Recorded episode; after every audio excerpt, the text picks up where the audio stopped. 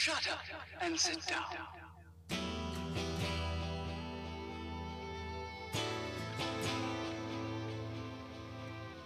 Du lytter til Drivhuseffekt, for deg som trenger litt bensin på bålet i livet ditt.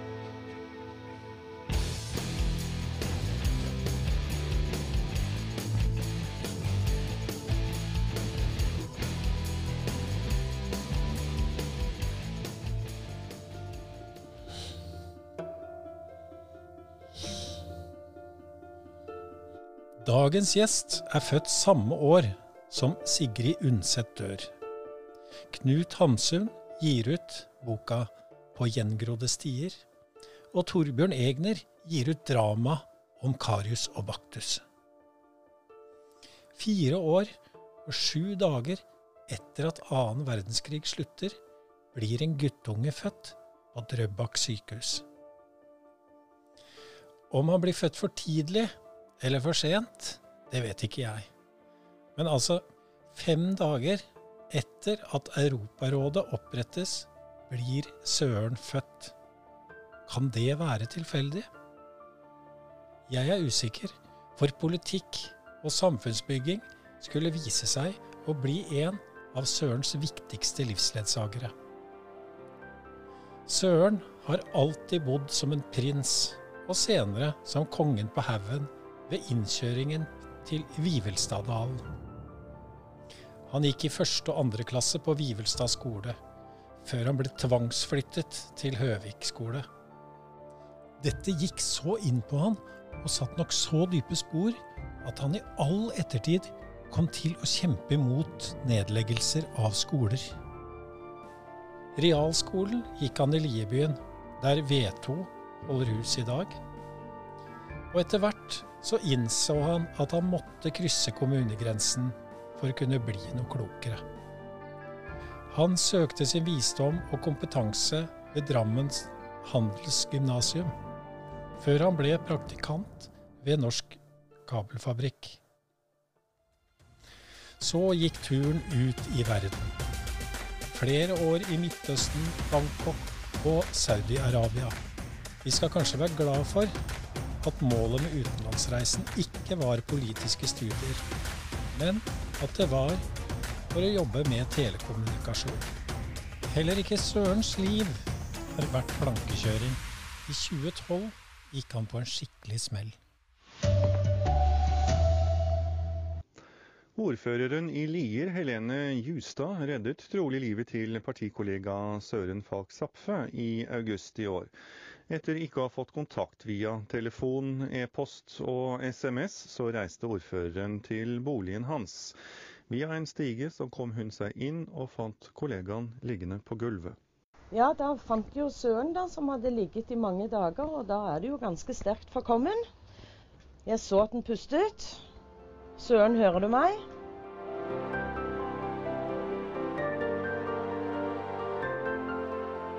Søren har ikke kone og barn, men på mange måter har han kanskje det likevel. Vi kan kanskje si at han i dag har 26 811 barn, og en kone som velges hvert fjerde år av barna hans, og jeg er en av dem. Søren har vært en merkant skikkelse, politiker og høyre hånd til en håndfull politikere i Lier. Han har en sterk gudstro og vanker i Frimurerlosjen når han ikke fordyper seg og meisler ut fremtiden for sine barn i en av Norges mest veldrevne kommuner. Det er ingen som har så stor erfaring, innsikt og innflytelse i kommunen som Søren. Derfor tror jeg at min påstand om at jeg i dag har besøk av Liers mektigste person, står ved lag. Det er mange som skryter av å kjenne Søren, og det er noen som ikke vet hvem han er. For meg er han en hyggelig, konservativ og litt gåtefull kar. Derfor er det med spenning og glede jeg har han på besøk i drivhuset i dag. Velkommen til Drivhuseffekt, kjære Søren Falk Saffe. Hva syns du om dette, Søren? Jo, det var jo en, en flott introduksjon Ja, du syns den var fin? Der var det noe, vil du, vi kan begynne med en gang. Er det noe du vil dementere her? Da må jeg jo tenke meg litt om. Det Det Det Det var ikke verre enn at du må tenke litt? Nei, det var faktisk ikke det. det altså, Lier har riktignok over 27 000 innbyggere, da. Oh ja, så gratulerer. Du har fått flere barn. så, så, så det er Men det har liksom litt med faktaopplysninger å gjøre. Ja. Men, eh, men eh, ellers er jo det som står her av fakta, det er jo dekning for. Så bra. Så da får jeg egentlig litt kred av deg for den researchen min. Det skal du få. Tusen takk. Er du flink til å gi ros? Ikke flink nok. Nei. Jeg håper jeg er blitt flinkere med årene, etter hvert som jeg har lært mennesker bedre å kjenne og skjønner at det å gi ros, det er for mange viktig å få. Og uh, her har nok uh, min årelange gange i Frimulosjen lært meg mye. Ja. Nettopp i det å omgås andre mennesker på en uh, god måte. Det å kunne for, lære seg å ha et godt forhold til mennesker. Og eh, det er ikke alle ting vi liker ved alle, men det er alltid noe godt i alle. Mm. Er det du, eh, Hvis vi skal begynne med slutten, da. Eh, hva er det du håper at, Hvilket inntrykk håper du at eh, de som hører på dette, skal sitte igjen av deg? Nei, Det er vel kanskje at de får et litt bedre inntrykk av hvem jeg er og hva jeg har gjort, og at jeg kanskje Det er jo mange som går rundt og tror at jeg bare har drevet med politikk i livet, mm. og det blir jo veldig feil. Politikken har vært eh, en av mine store hobbyer eh, som jeg har fått lov til å holde på med lokalt i Lier, og som jeg har hatt veldig mye glede av. Og som jeg selvfølgelig håper at også Lier har hatt noe glede av. Men, men eh, jeg har jo hatt et rikt yrkesaktivt liv og fått lov til å reise og oppleve mye. Eh, så eh, det har vært en Det har gitt meg mange impulser og mange gleder. Så det er ikke bare politikken, altså? På ingen måte. Men uh, jeg blir litt skremt når du sier at uh, dette er en hobby. Altså politikken har vært en hobby. Men det er jo riktig at du har vært eh, kommunen vårs mest fremtredende politiker i jeg vet ikke, 20-30-40 år, eller? Jo, jeg har, jeg har, jo sittet i kommunestyret siden, siden 1988. Mm. Eh, så, men det har alltid vært på tillitsmannsbasis. Ja. Jeg har aldri vært ansatt i Lier kommune. Altså det er jo de i Lier som tror at fordi man sitter i kommunestyret, så er man nærmest uh, fulltidslønnet av kommunen. Det er jo ikke riktig. Det er jo bare én person, ordføreren, som er lønnet eh, som er lønnet på heltid. Ja. Eh, vi andre, vi er tillitsvalgte. Riktignok får vi litt godtgjørelse, møtegodtgjørelse og sånn. Ja. Eh, men, men eh, eh, dette hadde aldri gått hvis man ikke hadde hatt et eh, lønnet arbeid ved siden av. Nei. Helt ærlig med hjertet Nei, hva heter det? Hånden på brystet, Søren. Har du noen gang tenkt på om du kunne ha blitt ordfører? jeg har måttet gå det løpet med meg selv for å undersøke om jeg ville bli ordfører. Men jeg har egentlig aldri hatt lyst til å bli ordfører. Hvorfor det? Ordførerposisjonen er en litt annerledes enn det jeg liker å holde på med. Jeg liker å være politisk håndverker. Eh, det betyr i mine øyne å få gjennomført ting. Eh, sørge for at ting blir gjort. Eh, det å være ansiktet utad i en kommune, fylle borgermesterrollen, det ligger ikke helt for meg. Det gjør det ikke. Så er du egentlig litt sånn Er du litt innadvendt og sjenert type, egentlig? Er nok det. Er nok det. Litt tilbaketrukket. Men du liker makt? Jeg liker, jeg liker ikke begrepet å ha makt. Nei, men for det blir du- litt feil. Ja. Jeg liker å ha innflytelse. Ja. Jeg liker å få ting gjort. Hvis makt betyr at man får gjennomført det man har gått til valg på, det man har lovet. Hvis makt betyr å hjelpe enkeltmennesker i hverdagen deres i lokalsamfunnet, så liker jeg det. Så godt du er flink, Søren! Så flink du er til å svare. Denne podkasten er presentert av Inforegi. Vi gjør en forskjell i den norske skole gjennom viktige artikler i Foreldrepulsen og målrettet innhold til infoskjermer i grunnskolen, VGS og høyskole. Er det noe du angrer på, hvis du tenker på hva er det verste du har gjort? Det er alltid avgjørelser Ja. som i etterpåskapens kloke lys kanskje burde vært annerledes. For eksempel? Sånn vil det alltid være. Den første perioden jeg hadde i Lier kommune, satt jeg i det som da er et teknisk utvalg. Ja. Det er vel det som vi da kaller for planutvalget. Det er klart at da kom du, måtte du foreta en rekke detaljavveininger om avstand til nabogrense, plassering av vinduer, nabokrangler osv. Og det er klart at da kan det være at, at du kanskje ble eh, i enkeltsaker kunne bli farget av eh, et bestemt syn, eller at noen var flinkere til å øve påtrykk enn andre. Det, det, det ser jeg ikke bort fra.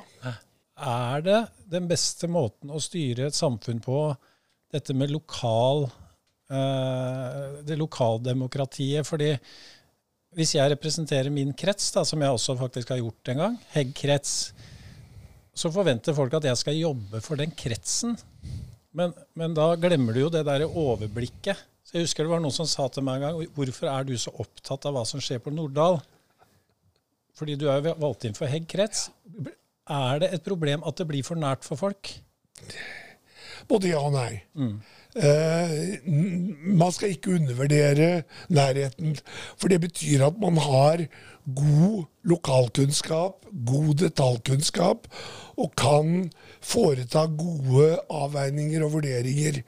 På den annen side så kan det i enkeltsaker også være fornuftig at man har et litt mer fugleperspektiv. Eh, for å kanskje se ting i en litt større sammenheng. Men jeg tror nettopp derfor er det viktig at man har en god blanding av eh, politikere som ser lokalperspektivet, og de som kan se et litt overordnet perspektiv. Det gjør jo at jeg har jeg har jo spesielt engasjert meg i den overordnede planleggingen av Lier kommune. Altså det som på politikerspråket heter kommuneplanen. Nettopp fordi at det er en overordnet utviklingsplan for hele kommunen.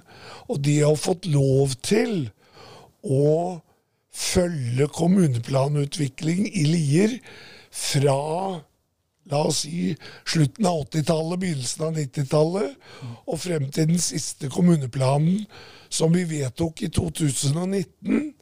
Det å se de lange linjers politikk slå ut i disse kommuneplanene, det er kanskje noe av det som har gledet meg mest. Er det, er det noen som kjenner Lier kommune bedre enn deg, Søren? Helt ærlig. Det er det sikkert. Eh, Det er jo ingen i administrasjonen som har jobbet der like lenge som det er ingen Nei, politikere med like lang fartstid. Det skal jo mye til, da. Ja. Eh, Det skal jo mye til. Men det er klart at det er, det er om de eh, eh, I hvert fall tidligere politikere i Lier som har god detaljkunnskap om kommunen. Du kan jo tenke f.eks. sånn som Gunnar Nebel, som gikk ut av kommunestyret ved siste korsvei. Han begynte jo sin karriere som ansatt ved rådmannskontoret i Lier, eh, før han ble eh, lokalpolitiker. Det er klart han har en, en detal, også en detaljkunnskap om kommunen som det står respekt av. Og det vil si at det også står respekt av din eh, kunnskap, da. Indirekte. var det du sa nå. Du krever respekt for det du vet. Det var nå dine ord, men, eh, men det er veldig hyggelig å bli satt pris på. Du lytter til Drivhuseffekt. Er du, blir du irritert og av nye eh, hva skal vi si, nye politikere og, og, og folk som har enkle løsninger på kompliserte ting? Nei, de irriterer meg ikke. Eh, det gjør de ikke. Fordi noe, altså et sted må man begynne. Eh, men det som kan irritere meg, det er hvis de ikke er villige til å lære. Ja.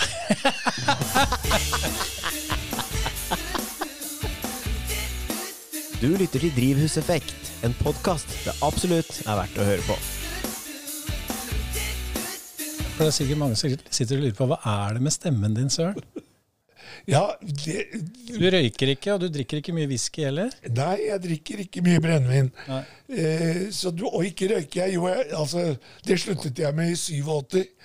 Eh, jeg vet ikke helt hva som eh, feiler stemmen min. Jeg har hatt denne plagen i, i eh, siden i fjor høst. Du har vel alltid vært litt sånn raspen? Ja, men ikke på langt nær sånn som nå. Nei. Og jeg går til utredning, og så får vi se hva resultatet blir. Og så er det én ting til jeg må få avklart, og det er jo dette her fancy navnet ditt. Altså Søren Falk, altså F-A-L-C-H, Zapfe, med dobbel F og ikke dobbel P. Hva, hva er dette for noe? Er du øh, Jeg skulle tippe at du er fra Tsjekkia eller noe sånt? Nei, Falk er eh, jo veldig enkelt. Det falkenavnet som jeg har, det kommer fra min mors familie, og eh, opprinnelig fra Hokksund. ja vel, ja. Eller, eller Haugsund, som det het den gang. Ok. Derav av Haug kirke. Å ja. Ja. Så, men Zapfenavnet har en eh, Det er opprinnelig tysk. Mm. og eh, betyr noe så prosaisk som å tappe øl. Gjør det det? Yes. det, det var Altså den, morsomt. den første Zapfe som kom til, til Norge, det var jo den tiden hvor, hvor eh, danskekongen eh, regjerte over Norge, og hvor man tok en rekke håndverkere til Norge, fordi rett og slett at kompetansen her var dårlig. Og den første Zapfe han drev et traktørsted i Rådhusgata 7 i Oslo. Ja. Så han var øltapper. Ja, Noe så enkelt, men det høres så fancy og sjunget ut. Og...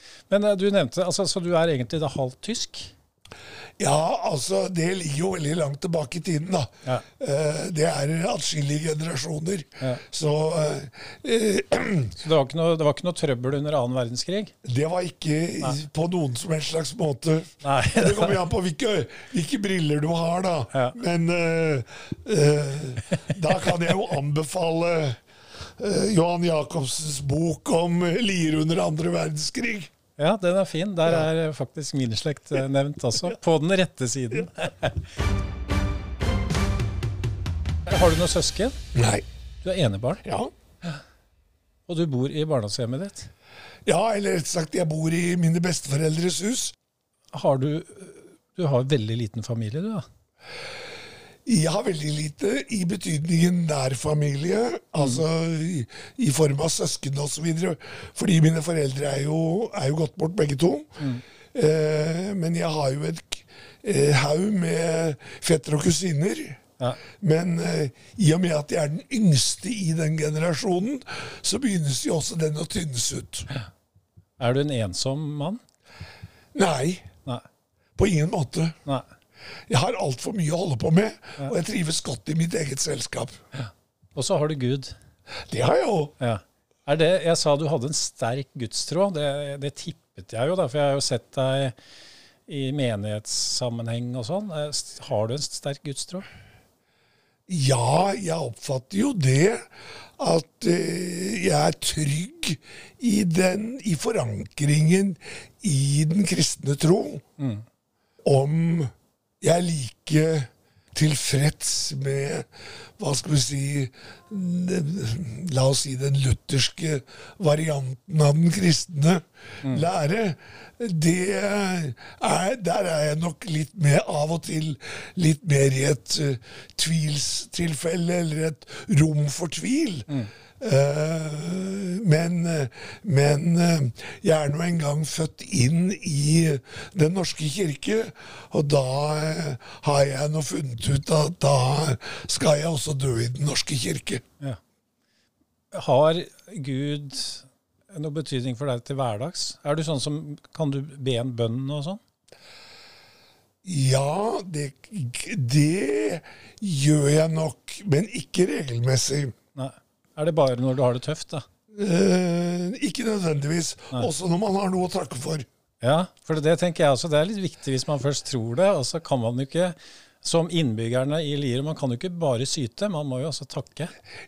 Det tror jeg er veldig viktig, og jeg tror at uh, altså hvis jeg har det tøft, så har jeg egentlig for Da, da må jeg sortere ut det jeg har det tøft med, å komme til eh, en løsning på Eller for å finne ut hvordan ting skal løses. Og så kan jeg heller sette meg ned etterpå og være takknemlig for at jeg er kommet frem til en god løsning. Ja. Og da er det du som har gjort det, og ikke Gud. Da takker jeg Gud for at han har hjulpet meg til dette. Og gitt deg styrke. Ja. er godt, det høres godt ut. Jeg har jo hatt uh, en del på besøk som er Det er blitt mye tvilere der ute. Jeg hadde jo prestesønnen til sønnen til Viktor Andersson og hadde jo Pål Næss her, og alle forteller jo at de er blitt sånn tvilende til dette. Hva, hva tenker du om det? Er de fortapt i djevelens Nei, det tror jeg ikke. Jeg, jeg, og det har for så vidt livet i Frimurlosjen lært meg. At det er eh, veldig mange eh, Og jeg opplever flere og flere som er søkende. Som jeg vil kalle det. De er søkende etter noe. Og så har de problemer med å finne noe. Og jeg er ikke sikker på om vår institusjonaliserte norske kirke er flink til å gi svar på dette. Og så kan det jo være at nå er jo svarene Nå kan du jo søke på Google, og da, da dukker det opp en Netflix-film. Ja, og så kan du bare drukne deg i det, så slipper du å tenke. Du lytter til Drivhuseffekt. Så var det den der Vi kan jo ikke møtes og snakke, Søren, uten å komme tilbake til den der episoden fra 2012, som vi også hørte et eh, utdrag fra Dagsnytt-sendinga. Som var en, en sjokkerende eh, hendelse å høre om. Hva, hva var det som skjedde? Du, du bare falt om? Ja, altså Var det på soverommet ditt? Ja, jeg øh, Det var en fredag ettermiddag. Ja. Og øh, jeg var kommet hjem. Husker ikke hvor jeg var kommet fra. Jeg hadde da vel egentlig Det var nok litt sent på kvelden. Altså syv-åtte-tiden. Jeg hadde vel tenkt å rigge meg til for å se Dagsrevyen eller et eller annet, et eller annet sånt noe. Så var det et eller annet jeg skulle hente på soveværelset. Og så husker jeg at jeg kom dit opp, og så husker jeg Så har jeg en, et vagt bilde av at Helene prøvde å få meg til å drikke noe. Ja, det forteller hun om, ja. Og så husker jeg dumpene på nøstet mens jeg åpenbart da må ha ligget i sykebil. Og så husker jeg at jeg våknet opp på Det var da på mandag. Og så husker jeg at jeg våknet opp på intensiven på tirsdag. Yes. Så der har rett og slett eh, ditt sinn beskyttet deg for alt. For du husker ikke at du falt, og du husker ikke Du har ligget der i to to-tre Fra, døgn. fra fredag, fredag kveld til mandag midt på dagen. Du har ligget der for å dø, du. Ja. Hva var det som skjedde? Ja, det er et godt spørsmål. Å ja, så du vet ikke hva som skjedde? Det, det, det, er eh, Det er nok en sammensatt Men jeg hadde fått en, en, eh, en virusinfeksjon. Oi. Det er jo en litt lengre historie her. Fordi at uh, en del år tidligere, i 2003, så fikk jo jeg en aortadisseksjon. Den eh, fikk utposting, oh, ja. og, og, Ja. og, og begynte å, Ja. blodet begynte å renne ut, ikke sant? Og jeg ble, det skjedde mens jeg var i Oslo, så jeg ble jo vrakt på legevakten i Oslo og kom på Rikshospitalet og ble operert der. Og da ble det jo avdekket at jeg hadde et galopperende blodtrykk. Siden den eh, operasjonen, som jeg da også hadde en, ble reoperert i 2010, så har jo jeg siden det gått på veldig sterke blodtrykksmedisiner. Og jeg ble jo eh, medisinert ned til et veldig lavt blodtrykk. Nesten litt for lavt. Og det var nok litt av årsaken at da dette skjedde i 2012, så hadde jeg veldig bla, lav blodtrykk, og da var jo hva skal vi si, motstandskraften min desto lavere. Ja. Så jeg hadde ikke noe å stå imot. Er du redd for at det skal skje igjen? Nei, jeg har et forsonet forhold med det. Hvordan er det å leve og vite at det er noen som har redda livet ditt? Jeg, til det er jeg bare takknemlig. Ja. Kun takknemlig. Helt fantastisk. Føler du at du fikk livet i gave på nytt, eller så du liksom har funnet ut at du må leve litt annerledes? Eller? Ja, på mange måter føler jeg at jeg fikk det både i 2003 og i 2012. Så du har fått livet i gave to ganger? Ja. Hva skal du Timeglasset er ikke tomt. Nei. Nei, det er bra. Det er veldig bra. På Drivhuseffekt, en podkast det absolutt er verdt å høre på. Jeg må, bare, jeg må spørre deg nå, når jeg først har deg her, Søren. Er du nå glad for at det ikke står et kulturhus i Libyen med plass til 400-500 mennesker? Det har jeg vel egentlig ikke eh, reflektert så mye over. Så du legger bare tapene dine på hylla og går videre? Ja, altså eh, Når man foretar et valg, så foretar man et valg. Og så må man leve med det. Du er ikke bitter for det? Nei. Nei. På ingen måte. Du er ikke bitter på meg heller? Nei. nei. For jeg var en av de som jobbet mot det kulturhuset, Ja bare sånn ja at da. lytterne skjønner hvorfor jeg spør. Så, så eh, det er klart at den løsningen man fikk, har jo vært en utmerket løsning. Enig. Eh, den har fungert veldig bra. Og ikke minst i disse dager hvor dette området brukes til vaksinering, så går jo dette veldig bra. Ja. Så det blir bra, da, selv om ikke du får det som du vil alltid. Det er helt riktig. Ja, Det er godt du blir redda av ungdommen innimellom. Eh, Nå tror jeg vi skal gå på en spalte, og da tar jeg fram trekkspillet mitt her og spiller litt.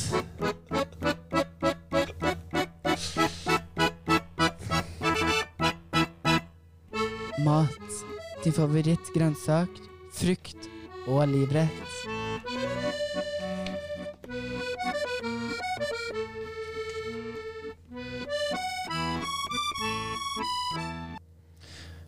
Er mat bare mat for deg, eller er du en sånn gourmet?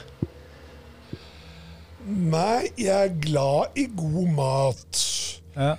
Uh, jeg har jo utviklet meg til å bli et uh, fisk- og sjødyrmenneske når det gjelder, når det gjelder mat. ja. Men da skal vi ta, ta det litt andre veien. Skal vi ta livretten din med en gang, da. Ja, det er kokt torsk. Kokt torsk. Ja. Som Roger Woie. Skal det være skrei, eller er ikke det så farlig? Det kommer an på årstiden. Ja. Kokt torsk. Hva skal du ha til denne? Den skal jeg ha poteter til. Og så skal jeg ha smør til. Det kan være ulike varianter. Det kan være Sandefjordsmør. Det kan være vanlig smør. Det kan være eggesmør. Ja. Det kan være hva som helst. Men øh, Og så øh, gulrøtter til kan være godt. Eh, for så vidt eh, blomkål til kan også være godt, syns jeg. Ja. Noe mer avansert enn det vil jeg helst ikke ha det. Nei. Så det er ganske enkelt å ønske, det der. Det er det. Men det stiller stor krav til fisken. Ja. Og det oppfatter jeg jo er et litt problem for oss ø, østnorske. Det er at det å få tak i, i fersk torsk, eh, det er ikke bare enkelt. Nei. Har du tips til oss der hvis, hvor i, på området her, Drammen, Lier, hvor er den beste fiskehandleren? Må du inn til Oslo? La meg si det sånn at jeg er veldig glad i gutta fra havet inn i Sandvika. Mm. men jeg har satt mer og mer pris på fiskedisken på Meny oppe på Liertoppen. Eh, der er det hyggelig betjening og dyktig betjening eh, som ikke holder deg for narr, eh, som gir deg gode råd. Og eh, hvis du er heldig og kommer der eh, når de akkurat har fått inn leveransen om morgenen, så kan du få veldig gode varer. Ok. Ja, Kjempebra. Men vi sitter jo i et drivhus. Du sitter jo under et avokadotre her og, og, og lukter på sitrontrærne som blomstrer. Eh, har du en favorittgrønnsak? Ja, det er tomat. Ja vel. Fordi Tomat er et ja, det er, det er nå en spennende plante. Det er nå én ting. Men jeg syns det er en god uh, start på dagen. Eh, frukt, da. Ja, Det kommer jo an på hva du mener med frukt. Ja. ja, det er din definisjon. grunn så er jeg veldig glad i sitron. Er du det, ja? Ja. Så fint. Så sitter du her i sitronplantasjen Ja. min.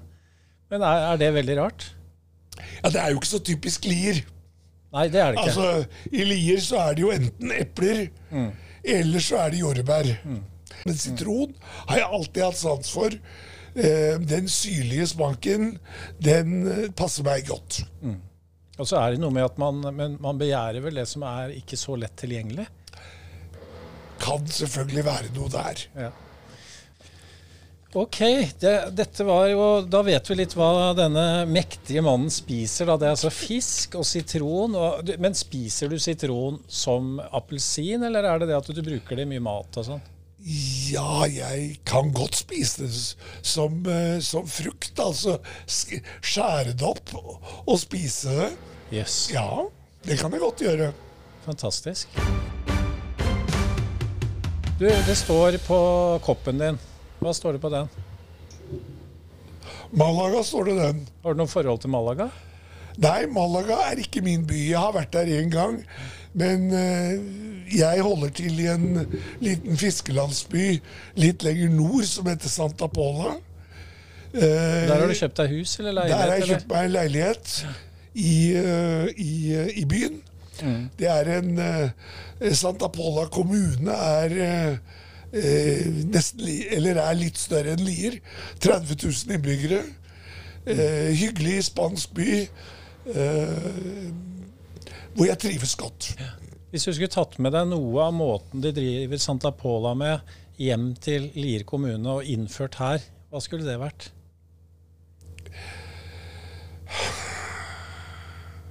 De er veldig flinke til å holde byen sin ren og pen.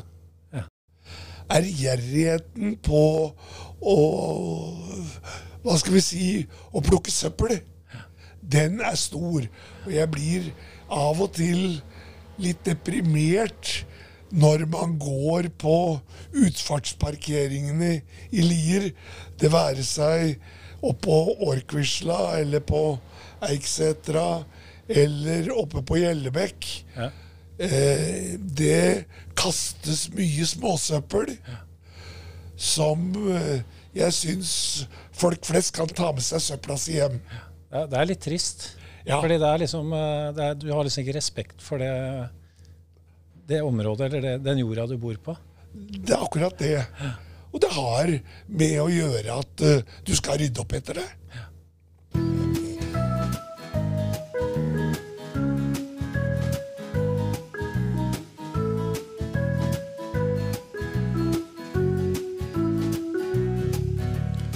Anbefaling. En spesiell kulturell ting du er besatt av.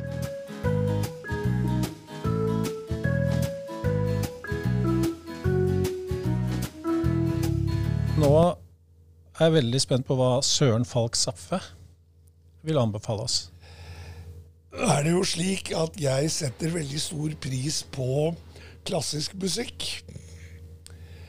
Eh, Det har vært en del av min avkobling i alle år. Og eh, i disse dager så har Norges nye store stjerneskudd på den klassiske himmel, Lise Davidsen fra Stokke i Vestfold. Hun har kommet med en ny CD hvor hun synger arier fra Beethoven, Wagner og Verdi. Så det anbefaler jeg eh, med hele mitt hjerte. Så flott. Jeg må si at jeg har blitt litt nysgjerrig på klassisk musikk selv. Eh, vet ikke, har du, hørte du den podkastepisoden med Eva Øyrud? Nei, den Oi. har jeg ikke hørt. Da kan du glede deg. Da må du gå hjem og høre på den. Det er en hyllest, hyllest til Ludvig van Beethoven. Ja, jeg skal ikke si Det får være en cliffhanger, og det må jeg si til dere andre hvis ikke dere har hørt den. Hvor jeg reiser hjem og besøker Eva Øyrud, og hun spiller denne. Hun er 87 år gammel og sitter og spiller denne. Det er helt fantastisk. Men klassisk musikk, det var en ny og spennende anbefaling. Så jeg må også si til de som ikke vet hva CD er, så er det det som var før Spotify og sånn kom. Var, du måtte gå og kjøpe en sånn plastgreie i butikken. Har du gjort det, Søren? Får du kjøpt det som CD? Oh, ja, ja da, Ja, det. ja da. Ja, for Hvis ikke kan du helt sikkert bare logge inn på Spotify og så søke Lisa Davidsen, så dukker det opp. Jeg, jeg har sågar kjøpt gammeldagse plater. Jeg, Ja, du har det, ja. ja. da, ja, da, ja, da, ja, det var nok min fars store sorg at jeg ikke viste så lenge han levet. Eh, en stor interesse for klassisk musikk, og spesielt det at jeg ikke spilte noe instrument. Eh, om det skulle være fiolin eller piano, det spilte vel mindre rolle. Men at jeg som barn og ungdom ikke hadde den interessen, det var nok en skuffelse. Er det noe du selv angrer litt på nå? At ikke du spiller et instrument? Nei, jeg angrer ikke på det. Og du gjør ikke det? Nei, jeg gjør ikke det. Du er en av de få som ikke Jeg gjør det, og jeg har jo, jeg har jo sånn la, lam, Den ene, hånda mi er lam, vet du. Ja. Og så drev jeg, og så jeg ble så inspirert av Eva Øyre, og så av Harald Andersson nå, som er 66, og han skal begynne å lære seg å spille piano nå. Og så tenkte jeg, hva kan jeg begynne å spille? Og da sjekka jeg ut at det eneste jeg kan spille, da, som de bruker eh, venstre hånd på, vet du hva det er? Av sånne klassiske instrumenter? Det er horn. Valthorn. Valt, Ja. Men det kreves visst veldig gehør. Så vi får se da om det blir en valthornkonsert i Drivhuset med åra.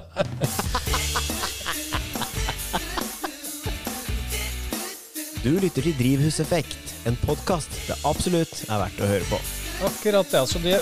Et klassisk hjem da med en arbeidende far og en hjemmeværende mor. ja. Var de, var de politisk aktive? Nei. Hvor fikk du det derfra? da? Men min mormor var det. Og hun het Mimmi Saksefalk. Hun stiftet jo Lier Høyrekvinner i sin tid. Og uh, var engasjert i, i både politisk arbeid og ikke minst i, i religiøst arbeid. Så du har egentlig fulgt din mormor, du, da? Ja, jeg har veldig mye Jeg, jeg har arvet veldig mye etter henne. Ja. Og så får vi håpe at eh, din far følger med her oppe nå og hører denne vi som, Eller hvis vi tror, da, så kanskje han gjør det. Og vet nå at han lykkes med å gi Søren interesse for klassisk musikk. Og vi er veldig takknemlige for den anbefalingen. Tusen takk for den, Søren.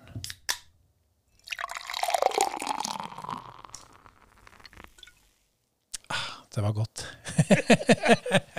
Det er bare juks.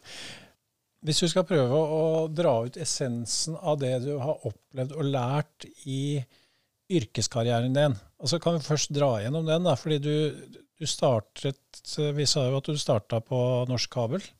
som Jeg startet jo på. Norsk Kabel. Men så kom du inn i telebransjen. Ja, men, så, men det var etter at jeg var i Norsk Kabel, så gi- skaffet jeg meg mer økonomisk utdannelse fra Bedriftsøkonomisk institutt, Det som heter BE. BA.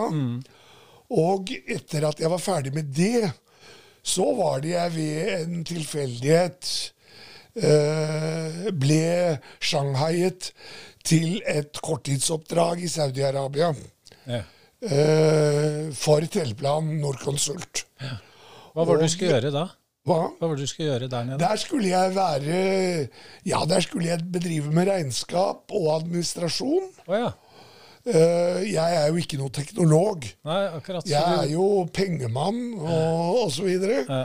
Holder med økonomisk bakgrunn.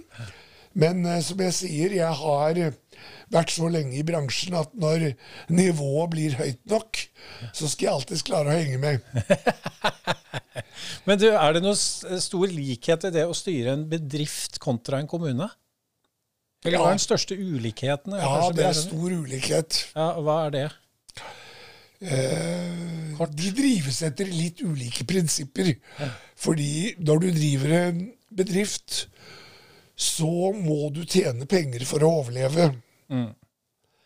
En kommune har en sikker og god inntektskilde gjennom eh, flittige skattebetalere og overføringer fra staten. Så eh, der er det mer fokus på de tjenestene som leveres. Ja, og gå i null? Der skal du i prinsippet gå i null. For det folk blir jo sint hvis man går for mye pluss. Man skal ikke tjene for mye penger, nei. Nei. Fordi da blir man beskyldt for at eh, da kunne man brukt pengene på å generere bedre tjenester. Så er, jeg, så er jeg jo av de som ikke er sikker på at mer penger alltid betyr bedre tjenester. Fordi eh, det er også et spørsmål om hvordan man organiserer tjenestene. Og jeg tror, jeg tror at uh, i offentlig sektor så er ledelse og organisasjonsbiten betydelig undervurdert. Begynner å bli bra i Lier, da. Ja da, jeg er ikke eh, Jeg er ikke misfornøyd, Nei. men eh, det er også flere områder som har et forbedringspotensial. Ja, og Det skal vi ikke si her, for da blir det så hyggelig. Søren. Blir du oppfatta som, eh, som arrogant, eh, Søren? Det vet jeg ikke. Det gjør jeg nok sikkert av enkelte. Altså, det, det er klart at uh, Er du opptatt av å bli likt? Tror ikke det står øverst på prioriteringslisten min. Eh, jeg er mer opptatt av at ting skal være riktig. Så du kan gjerne være upopulær så lenge du vet at det som er gjort, er rett. Ja, altså Popularitetsjag driver meg ikke. Og jeg har jo bevisst valgt å ikke være på sosiale medier. Ja, det er litt eh, Det, det tenker jeg ofte på hva du går glipp av, Søren. Ja, Og er blir forskånet for. jeg er ikke sikker på om jeg går glipp av noe. Jeg vet du gjør det, men du blir også forskåna, da. Ja, Så, så mm. Og jeg, jeg har ikke noe behov for å utsette meg for, eh, for sosiale medier. Altså, sosiale, sosiale medier har en oppside, men det har også en nedside. Og eh, jeg, jeg eh, klarer meg veldig godt uten. ja, For du vet ikke hva det er. Jeg vet selvfølgelig hva det er, men eh, jeg behøver ikke være der av den grunn. Nei, du, jeg kan godt lage en sånn profil til deg, så ingen vet at det er deg. Har du aldri vært inne og kikka? Nei.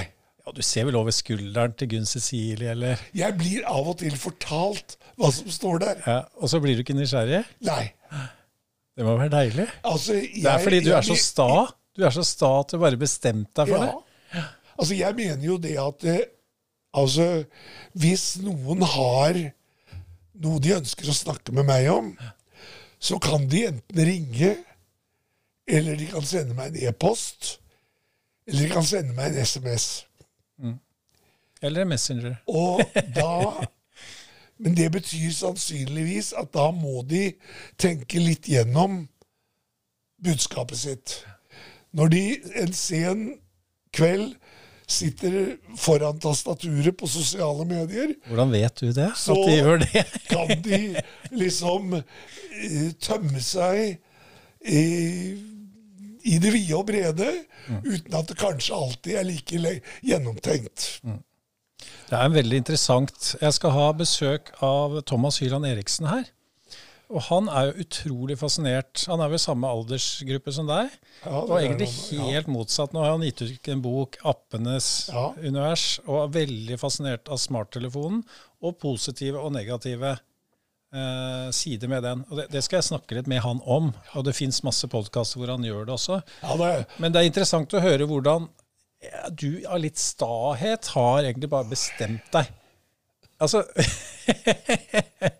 For det, tenk, om det, tenk om man finner ut at det er veldig smart. da.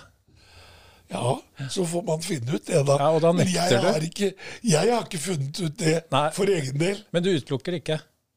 Det utelukker ingenting. Bra. Men for meg så er ikke det et naturlig verktøy.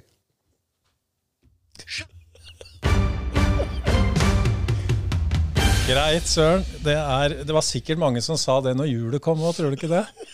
At, at det der er bare tull. Ja, ja da, det, det Jeg syns det er litt gøy også å kjøre deg litt på det, fordi der tror jeg du er at du er litt sta og, og dømmende.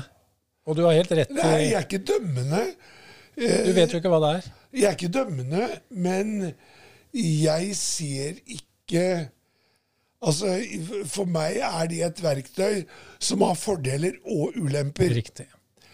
Og eh, jeg veier ulempene større enn fordelene. Bra. Det var det du skulle sagt i stad, da, du.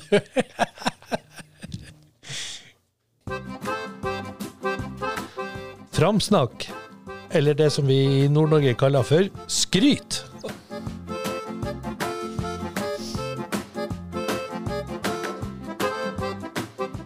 Syns denne fungerte så bra sist, med, hvor vi hadde besøk av redaktør Pål Ness i studio. Har du hørt den podkasten? Det har jeg. Eh, Men har det- du, har du Hvordan forhold har du til redaktøren i lokalavisa? Jeg har et uh, greit forhold til redaktøren i lokalavisa. Ja. Uh, Er det en viktig person, sånn som du ser det? Han, han dro jo litt på det selv, at han ikke hadde så mye makt, men han innså det og aksepterte det. Eh, det er kledelig beskjedenhet fra Påls side. Så ja, du, ok, greit. Vi skal ikke forfølge den, da. Eh, Men eh, framsnakk, da. Har du noe eller noen du vil framsnakke? Ja, jeg har tenkt litt eh, spesielt over det. Og jeg har lyst til å trekke frem Rikard Skaar Thorsrud. Han som driver sykehjem? Han som driver Skaar sykehjem. Tredje generasjons i Sylling. Ja. I tillegg er han jo frivillig brannmann i Sylling. Og det frivillige brannvesenet i Sylling er en viktig hjørnesten i Sylling-samfunnet. Ja. Men grunnen til at jeg trekker frem Richard, er fordi jeg syns han har gjort en fremragende jobb med å rehabilitere det gamle Frogner sykehjem. ja. Uh, I dag, Det var jo Og det solgte du til han? Det solgte kommunen til han. Ja. Og det at det er mulig å drive et sykehjem i privat regi uten at du skal bli hakket på som notoriske velferdsprofitører Ja. i tide og utide, det syns jeg er veldig hyggelig. Villa Skaar har en høy stjerne både, tror jeg, både blant befolkningen i Lier og i det politiske Lier. Og da snakker jeg om det politiske Lier på bred basis. Så derfor så velger du å framsnakke frontpersonen for dette, Robert Skaar Thorsrud. I hvert fall Rikard Skaar Å ja, Thorsrud. Richard er det.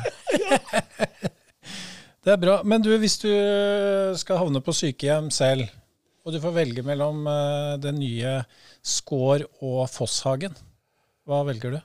Jeg kan godt, eh, jeg kan godt eh, være på score. Jeg håper jo at når jeg kommer, eventuelt når det blir aktuelt, så håper jeg vel egentlig at jeg ikke At jeg eventuelt er i en sånn forfatning at jeg eh, Ikke vet det. ikke vet så veldig mye om det.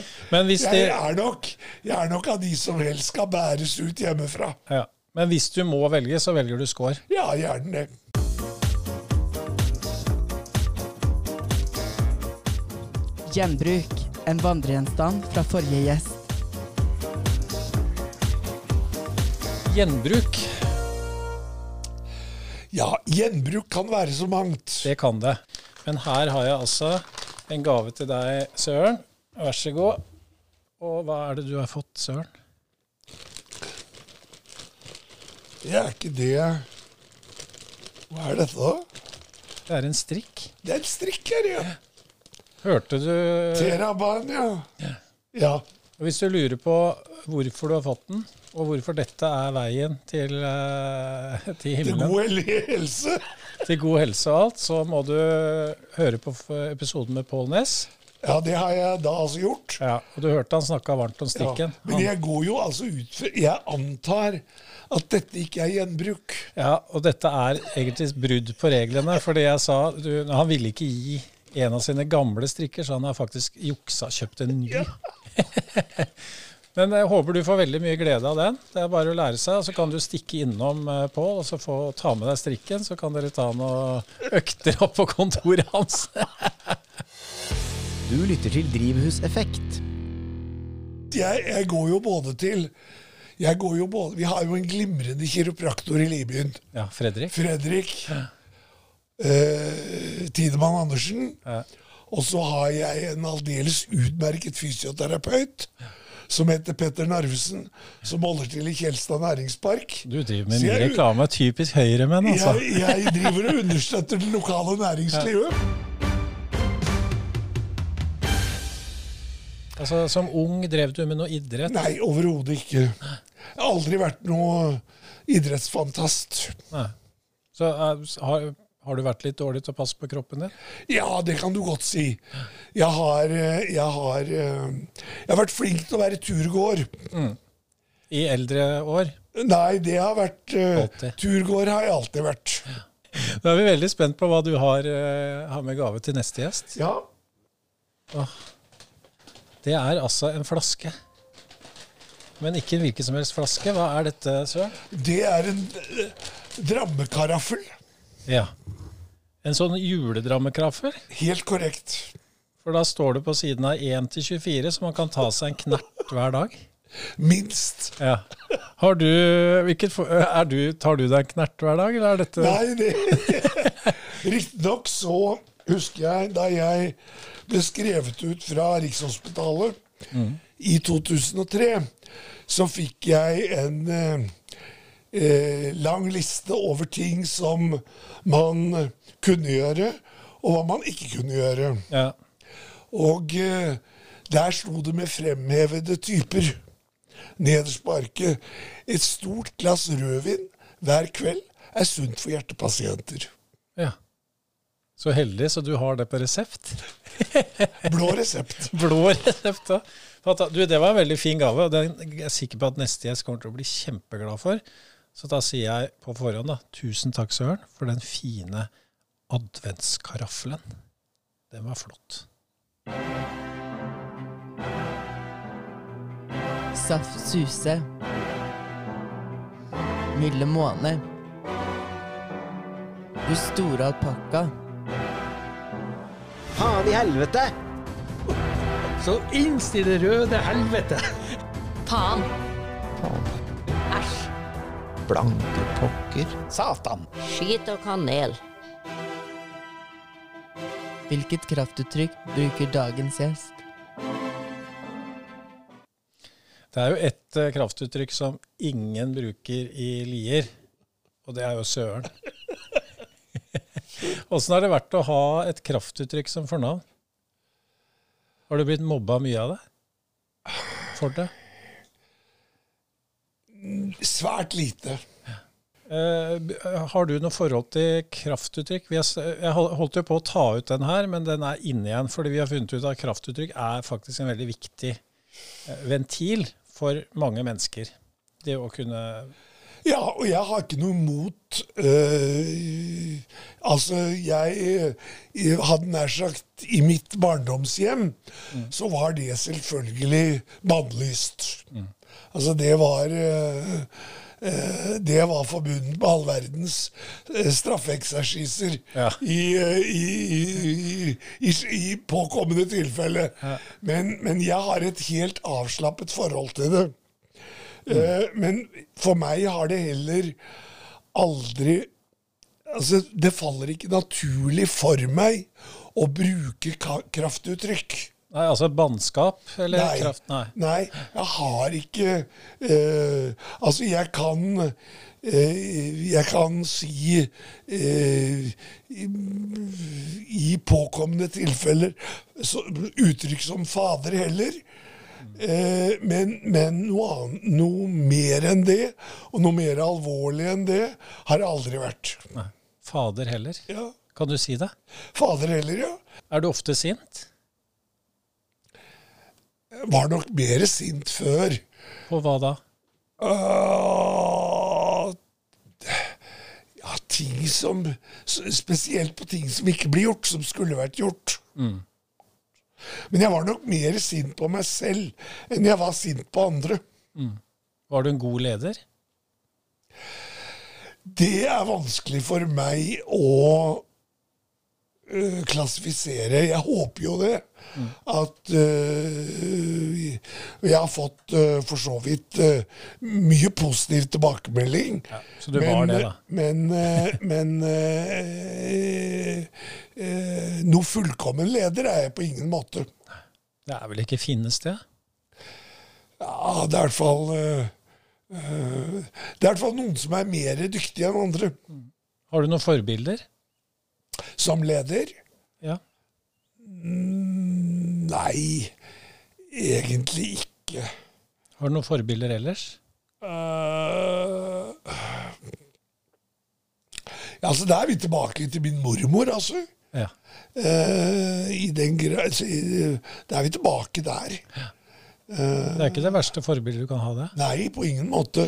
På ingen måte. Tror du du er forbilde for noen, du? Det ville vært veldig hyggelig i så fall. Mm. Det, jo, det er jo i og for seg et mål i seg selv. Da. Ja, ja, ja. Da lever det et greit liv da, hvis man blir forbilde.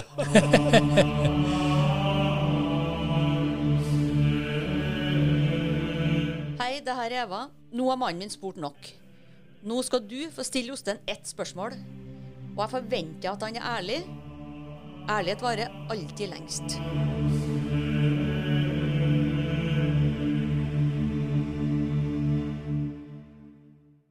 Dette er jo en mulighet og ikke et krav, Søren. Eh, For nå, siden jeg nå sitter og grilla deg så mye, så skal du få lov å stille meg et spørsmål hvis du har et, da.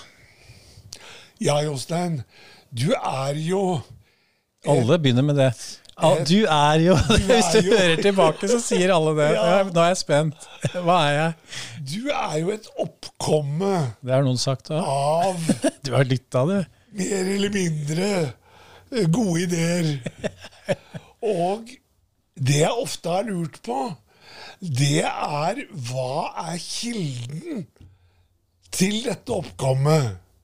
Hvor er det du henter inspirasjon til alle disse ideene, mer eller mindre gjennomførbare, som kommer fra Skogsnare 8? Det der er det mange som lurer på, Søren. fordi hvis jeg hører tilbake på de andre episodene, så er veldig mange av spørsmålene går på akkurat det der.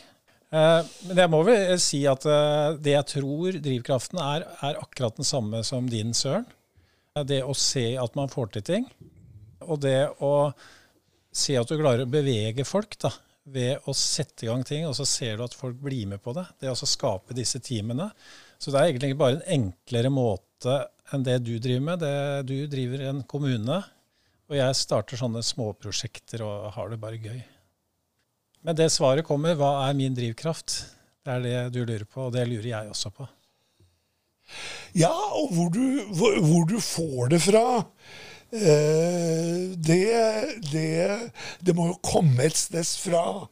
Altså, det, det Det, er, det der er en kompetanse. for når du finner ut at det er mulig å gjennomføre umulige ting første gang, og du klarer det, så tør du å gjøre det igjen, og så tør du å gjøre det igjen. Og, så, og da blir det litt sånn når du sier det, da, når jeg sier det, så opplever jeg at folk tror at det er mulig. Og så blir det mulig, fordi vi er mange nok som tror på det. Og det er magisk. Veldig magisk. Eh, og det er vel kanskje det som er en av drivkreftene, da. Så er det kanskje et lite mindreverdighetskompleks som ligger langt, langt baki der. Takk for det spørsmålet. Jeg håper du er, fornøyd med svaret. Var det greit? Det var greit. Du lytter til Drivhuseffekt. Jeg kunne tenkt meg å spørre deg, Søren. Er det noe i løpet av det livet du har levd nå, som du føler at du ikke har fått til? Det er det helt sikkert. Angrer du på at ikke du har noen familie? Eller noen noe partner? Nei, det bare ble sånn. Ja. Og, og øh, man kan ikke gå rundt og angre på det. Nei. Er du lei deg for det? Savner du det? Nei. Når du ser sånne familier og bestefar Du hadde jo vært en fantastisk bestefar. Ja, det kan godt være. Hvis jeg hadde hatt tålmodighet til det. Hvordan syns du livet har vært fram til nå, Søren? Nei, jeg er veldig takknemlig ja. for alt jeg har fått lov til å være med på. Alt jeg har fått lov til å oppleve. Mm. Uh, det, har vært, uh, det har vært morsomt, inspirerende. Uh, jeg har fått lov til å holde på med ting som jeg har hatt lyst til å holde på med.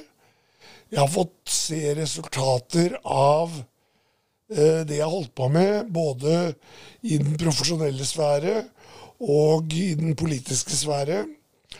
Og eh, gleder meg over de resultatene. Og det har vært viktig for meg, og er viktig for meg. Hva er planen din videre nå? Du skal jo leve 30 år til. Ja, altså Jeg postulerte jo i en alder av 30 at jeg skulle pensjonere meg når jeg ble 40 og dyrke roser på Sandaker. ja. Det ble det jo aldri noe av. Ja, det er jo ikke for sent å dyrke roser. Nei, jeg har lagt det fra meg. Og du har gjort det? Ja, jeg har, Riktignok har jeg roser, ja. men, jeg, men, det har jeg overlatt til andre å ja. drive vedlikehold av. Ja. Så du bare ser på det? Jeg bare ser på dem. Jeg syns de er greie å ha der. Så det gleder meg. Men, men jeg håper at jeg få lov til å ha helse som gjør at jeg kan få holde på med ting som jeg syns er morsomme og interessante. At jeg får lov til å bidra i lokalsamfunnet uh, så lenge jeg kan. Mm.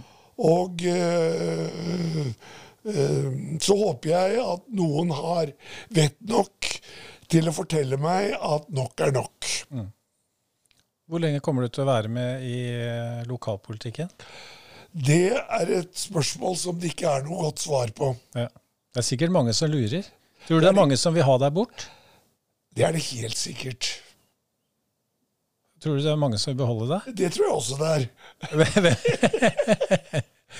så, så, men det er ikke opp til meg å avgjøre.